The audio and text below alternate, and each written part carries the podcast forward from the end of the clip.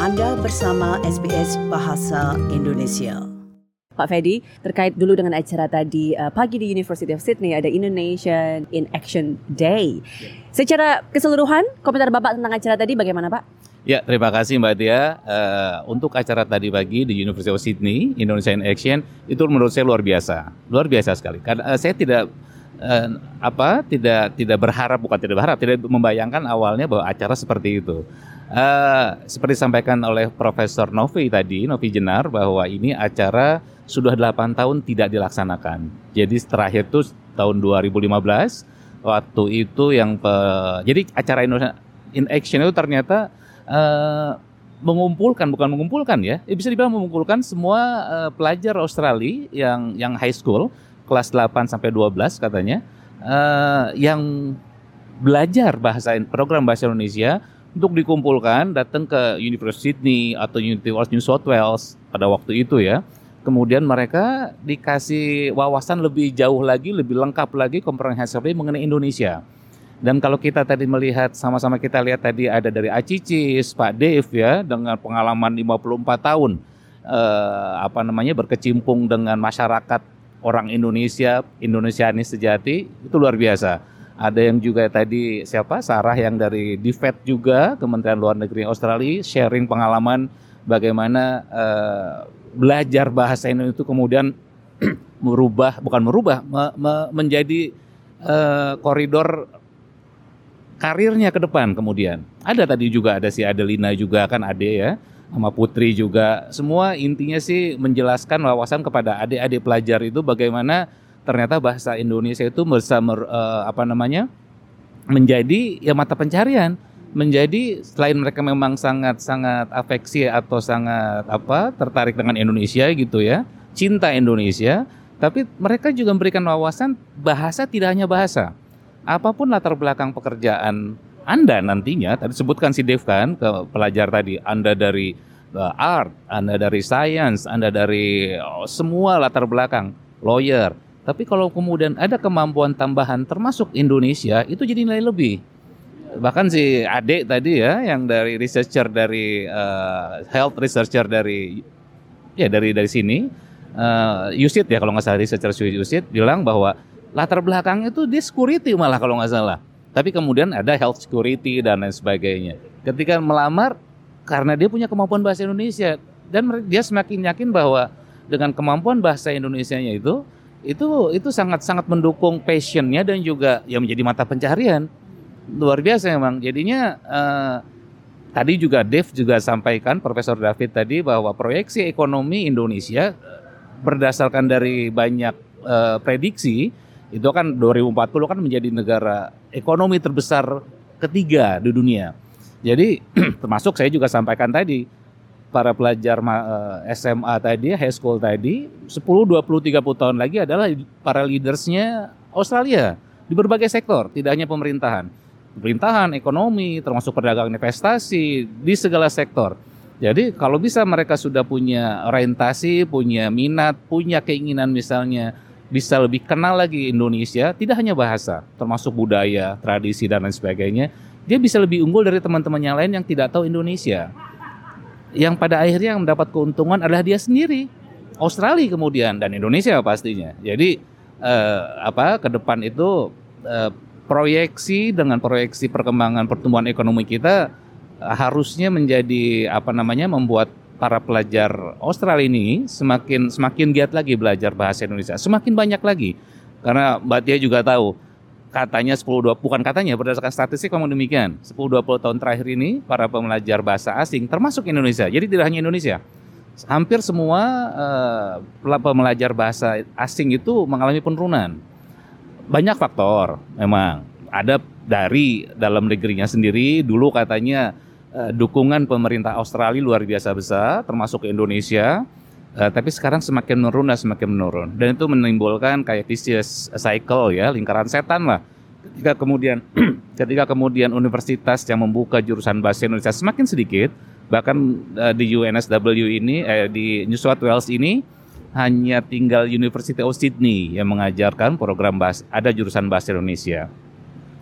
Lulusannya mendapat sertifikasi termasuk juga bisa untuk mengajar bahasa Indonesia Jadi yang memiliki sertifikat mengajar bahasa Indonesia semakin sedikit. Sehingga itu kemudian juga menimbulkan efek uh, kekurangan tenaga kerja, tenaga guru terutama guru bahasa Indonesia. Karena semakin sedikitnya guru yang bersertifikasi mengajar bahasa Indonesia. uh, itu juga menjadi banyak program bahasa asing termasuk bahasa Indonesia semakin berkurang. Semakin berkurang bukan berarti nggak ada sama sekali nggak berminat, berminat tapi tidak ada yang ngajar kemudian. Uh, apa yang sudah di apa yang perlu kita lakukan mungkin ke depan ya, ini kita sharing sama-sama Mbak Tia.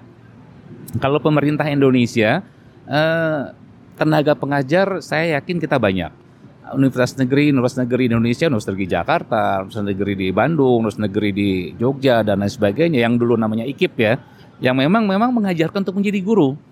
Uh, saya yakin banyak tenaga yang bisa digunakan untuk membantu pengajaran bahasa Indonesia di Australia. Eh, sekarang pun juga sebetulnya sudah ada dari Kementerian Pendidikan dan Riset Teknologi Indonesia yang memang menyediakan guru-guru untuk uh, penutur asing gitu uh, istilahnya guru penutur bahasa asing ya. Itu disiapkan dan saya dengar itu di Darwin itu sudah ada yang rutin selama 2-3 tahun terakhir.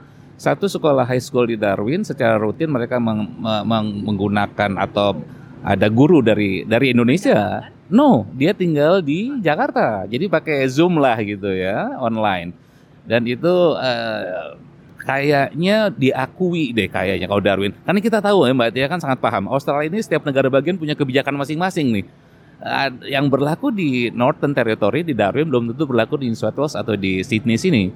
Tapi artinya uh, dari pihak Indonesianya juga sudah menganggap sudah sejak lama bahwa Australia adalah salah satu negara yang paling banyak penutur bahasa Indonesia-nya oleh uh, warga setempat, penutur asing, betul.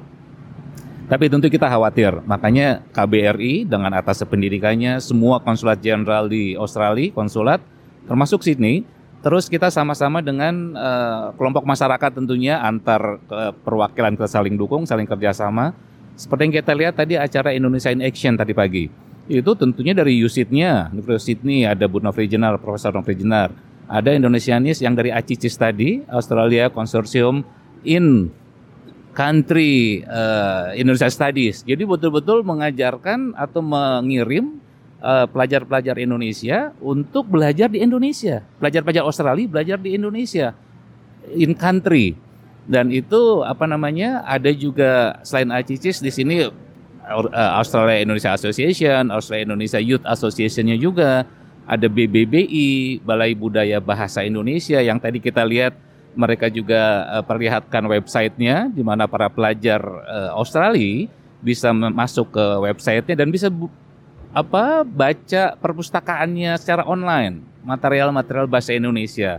Ada kita lihat dari mbak uh, untuk apa namanya uh, narinya ya, nari Bali. Mereka senang sekali kita lihat itu kan walaupun hanya dikasih di, di, diajarin satu dua gerakan istilahnya, tapi memang uh, luar biasa. Sebetulnya kalau melihat dari minat saya lihat masih masih banyak sekali minatnya. Berarti apa yang uh, mungkin secara uh, praktis begitu ya, yang Bapak mungkin uh, idekan, mungkin uh, apa yang bisa kita lakukan lebih begitu untuk uh, akhirnya jumlah mereka yang belajar bahasa Indonesia itu lebih begitu. Karena kan seperti yang contoh hari ini juga ini tentu uh, inisiasi uh, dari pihak organisasi atau komunitas Australia begitu ya Pak ya. Tapi kalau mungkin ada yang bisa dilakukan dari sisi Indonesia sendiri apa Pak? Ya uh, ini tidak tidak bisa semata-mata dari Indonesia saja. Tentunya perlu uh, text to tango ya. Harus dua pihak Australia dan Indonesia. Kita dalam konteks G2G kalau misalnya apa namanya sangat baik sekali kalau kalau kalau secara institusi sih kita sudah sampaikan ke institusi pemerintah misalnya saya wilayah kerja saya kan di New South Wales, South Australia dan juga Queensland. Uh, secara pembicaraan kalau kita sedang melakukan diskusi atau apa sudah kita sampaikan. Tapi lagi-lagi ada aturan regulasi di mana para pengajar bahasa asing atau apa pun pekerjaan di Australia, sebagaimana Mbak Tia juga tahu, itu kan mereka memerlukan sertifikasi. Bercandaan kita sih tukang sapu aja perlu sertifikat nyapu gitu. Jadi untuk yang ngajar bahasa Indonesia pun juga perlu sertifikat mengajar bahasa Indonesia. Tapi lagi-lagi seperti saya bilang tadi, semakin sedikit universitas yang mengajarkan, semakin sedikit uh, mahasiswa yang belajar bahasa Indonesia, semakin sedikit jadinya yang memiliki sertifikasi ngajar bahasa Indonesia.